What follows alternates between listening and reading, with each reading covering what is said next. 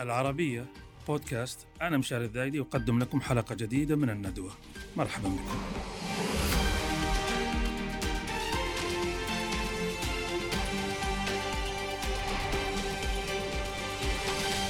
صالون اليوم عن التاريخ السعودي وما أدراك ما التاريخ السعودي. وإن شئت فقل تاريخ الجزيرة العربية الذي كان وما يزال وسيظل آه، منهلا للدارسين والباحثين ومصدرا للأفكار الجديدة والتصورات الجديدة، ولكن هذه المرة من خلال استعراض أو الاتكاء على عكازين، عكاز علم الاجتماع علم اجتماع البداوة تحديدا وهذا الاسم لفت انتباهي بالمناسبة. ومن خلال استعراض الأرشيف وخاصة الأرشيف العثماني. فسنمشي على هذين العكازين أو هذين الساقين لنلج إلى آه، بهو التاريخ السعودي والجزيرة العربية. ولمساعدتنا على هذا المضي وهذا المشي في هذا البهو الكبير يسرنا أن يكون شريكنا في الندوة اليوم الدكتور إسماعيل السلامات الباحث في علم الاجتماع وتحديدا علم اجتماع البداوة. حياك الله دكتور ما هو علم الاجتماع الله. يسلمك. علم الاجتماع البدوي هو أحد ميادين علم الاجتماع العام ويهتم بدراسة المجتمعات البدوية في مراحل تطورها من مرحلة الرعي والتنقل إلى مرحلة الاستقرار ومن ثم إلى مرحلة التحضر. والحقيقة أنا أجريت دراسة أكاديمية في جامعة دمشق تناولت فيها قبيلة عنزة الوائلية. فدرست هذه فدرست هذه القبيلة في مراحل تطورها التاريخي والاجتماعي والسياسي ما بين الجزيرة العربية وبلاد الشام. نعم. فأخذتها كنموذج تطبيقي كنموذج. لل... نعم. للعمل. إذا آه، أعتقد حتى الماجستير والدكتوراه في نعم في أيضا الماجستير في قبيلة عنزه في القيم المجتمعية. إي الحقيقة العنوان مثير وتعتق أظن يا دكتور كمان الباحثين الأجانب غير العرب آه، أوروبيين وغير أوروبيين بس بشكل خاص أوروبيين أيضا وفدوا إلى المنطقة وكتبوا عنها الكثير سواء على شكل رحلات رحلة بلغريف ورحلة داوتي وغيرهم أو على شكل دراسات أحيانا أو نعم. مزج بين الأمرين يعني معايشة ودراسات. يعني على ذكر عنزه تذكر دراسة التشيكي نعم. آه موزيل اللي سموها اللي أخلاق الروله وعاداتهم الروله وعاداتهم. وسمى نفسه موسى الرويلي. نعم وبوركهارت أيضا أجرى دراسة. وبوركهارت وغيرهم. نعم. لكن هل تعتقد أن الباحث العربي ابن البيئة آه، لديه ميزة مثلا إذا درس هذه الأشياء يعني تميزه عن الباحث الأجنبي؟ الفرق ما بين دراسة الباحث العربي أو دراسة المستشرق الذي أتى إلى المنطقة العربية لإجراء دراسة هو الأهداف الاختلاف في الأهداف. فالباحث العربي يتناول دراسة هذه المجتمعات للوصول إلى حقائق تاريخية تفيد في توثيق تاريخه. بينما المستشرق كان هدفه هدف سياسي آه، لوجستي بامتياز.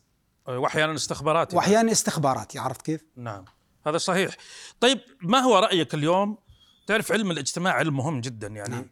وهو آه، مدخل من مداخل آه، فهم الذي يجري ومن ثم اتخاذ القرار الصحيح بناء على هذا الفهم نعم. علم واسع حضرتك أستاذ فيه وتعرف تشعباته وتعرف لدرجة أنك تخصصت في مجال محدد نعم. علم اجتماع نعم. البداوة نعم. ما هو واقع الدراسات الاجتماعية اليوم في الاكاديميا وخليني أقول بشكل محدد عشان ما نصير مبعثرين الاكاديميا السعودية سواء داخل اروقه الجامعات أو خارج اروقه الجامعات، إيش رأيك في منتجات الدراسات الاجتماعية؟ تعرف نمر بتحولات اجتماعية ضخمة نعم. من فترة طويلة، نعم. هل ثمة دراسات تحلل وتشرع وتشرح وترصد هذه التحولات؟ أستاذي الآن المجتمعات العربية تمر بحالة نوعية من التغيرات والتطورات في بنيتها المجتمعية. والمجتمع السعودي في أولى أو طليعة هذه المجتمعات. الآن الدراسات التي تجري لدراسة هذه التغيرات وهذه التنوعات إما دراسة في علم الاجتماع أو علم التاريخ أو علم السياسة. في هذه المرحلة وفي ضوء خطط آه، استراتيجية التنمية المستدامة لرؤية 2030 العلم القادر من وجهة نظري على دراسة هذه الظواهر في التغير وفي التطور الحضاري السعودي هو علم الأنثروبولوجيا السعودية الأنثروبولوجيا السعودية. السعودية كونه يمتاز بسمتين. السمة الأولى هو يستطيع أن يدرس المجتمع السعودي في مراحله الأولى ومرحلته الآن أو المراحل الراهنة ويجري دراسة مقارنة ما بين الماضي والحاضر إضافة إلى أن أن يستعين بمنهج الأنثروبولوجيا التطبيقية لتطبيق النتائج العلمية التي توصلت إليها الأنثروبولوجيا السعودية في دراسة المجتمع السعودي خلال فترات زمنية محددة وأماكن جغرافية محددة مع مقارنتها بمنجزات الحاضر بهدف بناء نظرية علمية لبناء مستقبل زاهر فيما يتعلق بالتطور التنموي السعودي. وهذا تعتقد غير لم نتوصل إليه لم نتوصل إليه حتى على مثل ما يقول إخواننا المصريين بعافية حبتين يعني أي نعم. حتى حتى يعني آه، علم الأنثروبولوجيا إلى الآن لا يدرس في الجامعات السعودية في ضوء معرفتي يعني. لا يدرس. لا يدرس آه مع العلم إنك تدعو نعم. إلى أن إنشاء أنثروبولوجيا سعودية. أنثروبولوجيا رغم أن الأنثروبولوجيا بحد ذاتها لا تدرس حتى الآن. بالضبط. وصراحه كلام يعني يعني يدعو إلى التأمل. وربما التغيير آه، وعلى ذكر الأنثروبولوجيا السعودية أو السعودية حضرتك أصدرت مجموعة من الكتب والأبحاث حول التاريخ السعودي حاولت أن تركز فيها على مثل ما قرأت أنا في كتابك هذا الدولة السعودية وقيمها المجتمعية هذا آه، درست فيه القيم الاجتماعية للسعودية نعم. في عهدها الأول في الدولة الأولى نعم. محركات الأخلاقية والقيمية حتى في مجال الاقتصاد والسياسة ولك أيضا كتب أخرى آه، آه، حاولت فيها أن تتناول زوايا أخرى. ما هي مصادرك حينما درست التاريخ السعودي؟ بالنسبة للمجتمع السعودي أو الدولة السعودية الأولى مصادرها محدودة. هي أشخاص عاصروا أحداثها والوثائق العثمانية التي كانت آه، عبارة عن مراسلات ما بين الولاة العثمانيين والسلطنة العثمانية تصف واقع هذه الدولة وأحداثها ومجرياتها وما يحدث فيها. اسمح لي قاطعك دكتور. الأرشيف العثماني دائما أشوف الإشارة إليه كثير تتردد بين الباحثين نعم. سعوديين وغير سعوديين عرب وغير عرب هل هو على هذه الدرجة من الأهمية فيما يخص تاريخ الجزيرة العربية الآن أي دراسة تريد أن تتناول تاريخ الجزيرة العربية في الأربع عقود أو الخمس عقود آه، في الخمس قرون الماضية خمس قرون نعم. لا بد لك من اللجوء أو الذهاب إلى الأرشيف العثماني كون هذه المنطقة كانت تحت الحكم الدولة العثمانية. مباشرة أو بشكل غير مباشر؟ فتاريخ هذه المنطقة مسجل تسجيل دقيق من خلال وثائق ومراسلات ومحفوظة في الأرشيف العثماني. ذهبت أنت للأرشيف العثماني. نعم أنا من رواد الأرشيف العثماني وقد اطلعت على وثائق الدولة السعودية الأولى كاملة في قلب الأرشيف العثماني وما. وخاصة ما يتعلق بالحملات العثمانية حملة طوسون أحمد باشا وحملة إبراهيم باشا على الدرعية نعم. هذا الملف عدده أنا حصلت على 118 وثيقة آه، تم دراستها وترجمتها وتحليلها وتفريغها واستنباط آه، الهدف الأساسي من دراسات الثلاث وهو النضال الوطني السعودي المشرف نعم. في مقاومة الغزاة كل الدراسات أو مجمل الدراسات التي تحدثت عن تاريخ الدولة السعودية الأولى آه، يعني أغفلت ثلاث نقاط. النقطة الأولى التاريخ الحقيقي لنشوء الدولة السعودية الأولى وهو 1139 لحظة تولي محمد بن سعود لإمارة الدرعية وهو مرحلة مبايعة الإمام محمد بن سعود بعد أن وحد شطري الدرعية المليبد وغصيبة وغصيبة نعم وبدأ ببناء الدرعية وتحقيق الاستقرار المجتمعي والأمن نعم. الاجتماعي نعم. والعدل والمساواة نعم. نعم. وأسس واتخذ من الدرعية عاصمة لدولته الأمر الثاني الأمر الأمر الثاني هي القيم المجتمعية الحقيقية نعم. التي نشأت عليها الدولة السعودية الأولى. إذا كانت دولة تتحرك وفق مسطرة من القيم نعم آه ومحددات من هذه القيم، بس ذكرت قبل قليل دكتور آه عن الأرشيف العثماني كأني فهمت من حديث سابق لك أنه آه المتاح للباحثين منه الآن رغم ضخامته لكن لا, لا يتجاوز 10% يعني عندنا حوالي 90% لم تتح للباحثين أصلا إما بسبب إنها ما زالت موجود في الأضابير والخزائن أو لأسباب أخرى يعني. استاذي الأرشيف العثماني فيه كم كبير من الوثائق وخاصة وثائق المنطقة العربية. الأرشيف العثماني لم يصنف منه الآن إلا سوى 35% ويأخذون عينات. مم. في حين نسبة 65% من الوثائق ومحتويات الأرشيف العثماني ما زالت مجهولة بالنسبة حتى للأتراك والباحثين غير يصير فيها مفاجآت.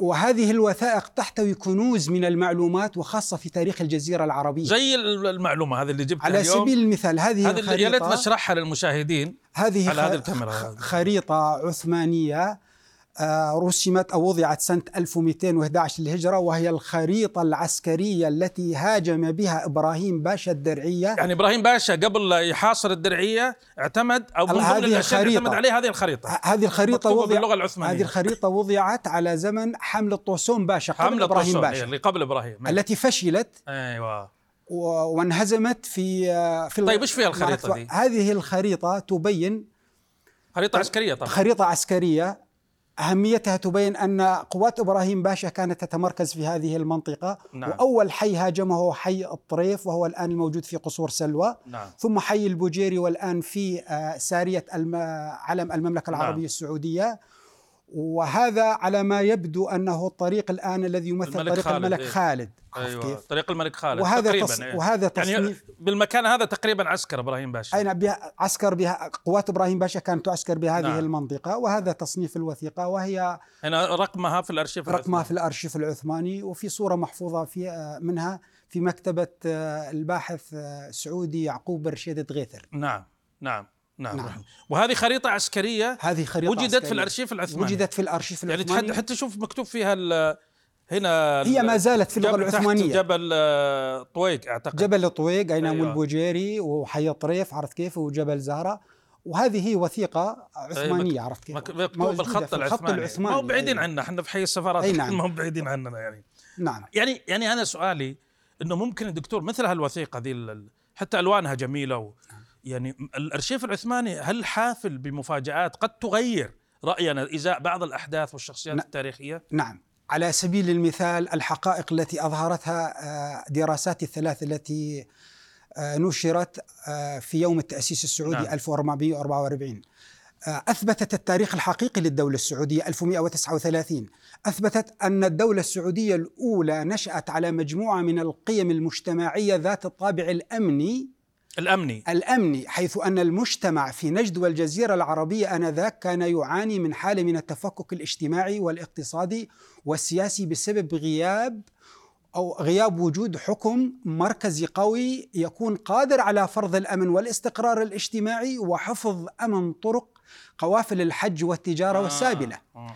فهذا الأمر الإمام محمد بن سعود رحمه الله من خلال موروثه السياسي العريق والذي يمتد إلى سنة 850 للهجرة على زمن جده مانع المريدي نعم. الذي أسس حكمه السياسي في الدرعية أدرك هذه الحقيقة التاريخية بأنه يتوجب عليه بناء حكم سياسي قوي يقوم على فرض الأمن. على فرض الأمن. بس عند نقطة الأمن دكتور تسمح لي؟ نعم تفضل. هذه الدراسة الدولة السعودية الأولى وقيمها المجتمعية. قلت في هذه الدراسة دكتور إسماعيل أن ثمة أمر يغفل عنه كثيرا وهو أن الأمن وتحقيق الأمن والوحدة السياسية هو المحرك الأول لنشأة الدولة السعودية الأولى. نعم. وهذا يتعارض مع نظريات البعض ممن يقول أن الباعث لقيام الدولة السعودية هو مجرد آه، الدعوة الدينية والإصلاحية. في حين أن اللي فهمت من دراستك وك- وكلامك أن الدعوة الدينية هي مك... هي جزء من آه، مكونات هذه الدولة. لكن سكان نجد كيف كان حسب دراساتك؟ سكان نجد كيف كان وضعهم الديني قبل الدولة السعودية آه، الأولى؟ الح- الحياة الاجتماعية والدينية قبل تأسيس الدولة السعودية الأولى يمكن أن أوجزها لك بما يلي. آه، الدين الإسلامي موجود. نعم. وهناك من يلتزم بتطبيق الشرائع وهناك من لا يلتزم. والصورة التي ضخمها الباحث العربي ابن بشر بأن الحياة الاجتماعية يسودها حالة من الكفر والفقر والجهل والبدع. وعبادة وعب... الأضرحة. ليست بذلك المستوى. ال- الأساس في نشوء الدولة السعودية الأولى هو حاجة المجتمع في نجد والجزيرة العربية إلى تحقيق حكم سياسي مركزي يقوم على فرض الأمن وخاصة أمن قوافل الحج والتجارة والسابلة والسابلة المارة نعم. في خاصة قوافل الحجاء قوافل الإحساء المارة بالعارض والمتجهة إلى مكة والمدينة. وهذه المهمة التي آه، ركز عليها الإمام محمد بن سعود. ليست وليد وليدة اللحظة آنذاك بل أجداده من قبله كانوا يقومون بهذه المهمة. نعم. سواء الأمير مانع الأمريدي أو ابنه آه، موسى آه، حفيده موسى أو إبراهيم أو بن موسى حفيده إبراهيم بن موسى نعم. بن ربيعة حيث بينت وثيقة أيضا من كنوز الأرشيف العثماني نعم أن الدولة العثمانية خاطبت حاكم الإحساء بتكريم آه، عدة أشخاص من أمراء نجد منهم الأمير آه، إبراهيم بن, بن موسى، موسى نعم. المريدي حاكم وأمير الدرعية الذي كان يقوم آنذاك بحفظ أمن قوافل الحج ورعاية أفرادها وتسهيل مهمتهم بالوصول إلى الأماكن المقدسة أيضا حفظ وسلامة عودتهم إلى ديارهم الأم. يعني تك... وثيقة عثمانية تكشف عن دور جد الأسرة إبراهيم بن موسى. إبراهيم نعم. بأنه أحد ال- ال- الأساسيين الذين بأنه حاكم الدرعية. حاكم أولاً، وأنه وكانت مسؤول عن الرئيسية. قوافل الحجيج. بالضبط. وهذه الوثيقة توسع بشرحها الأستاذ الدكتور راشد بن محمد صحيح. بن عساكر في كتابه. وقديمة أعتقد يعني تتكلم عن تاريخ قديم يعني. 981 تاريخها للهجرة. للهجرة أي نعم. يعني قبل محمد بن سعود بزمن. بزمن. بزمن كبير. أي نعم. انت ذكرت كمان في كتابك يا دكتور الدولة السعودية قيامها إنه السبب الرئيسي وهذا تلخيص لكلامك اللي تفضلت فيه قبل قليل في ظهور الدولة السعودية هو انتشار الفوضى وغياب الأمن والأمان والعدل والمساواة وقطع طرق الحج والعمر والعمرة والتجارة فهذا اللي اللي, اللي توصلت له نعم. حضرتك وهو تلخيص فهو الباعث الرئيسي تصحيح هذه الدولة، نعم. الأوضاع تصحيح هذه الأوضاع بخلق الاستقرار والأمن ونشر العدل والمساواة. هذه عوامل ساهمت في نشوء وتطور الدرعية وأصبحت وهل هذا هو جذب. سبب تميز المشروع السعودي؟ نعم. يعني في إمارات كانت موجودة في موجودة. في العيينه في غيرها في حتى في مناطق شمال نجد وكذا. ولكن لم تتسم بنفس لكن لم السمة. تتسم بهذه السمة الرؤية الوحدوية هذه أو بالضبط. الرؤية الشاملة. ولذلك الإمام محمد بن سعود استخدم سياسة آه، المسامحة وحسن الجوار وبدأ بمساعدة حكام الأقاليم أو المناطق نعم. المجاورة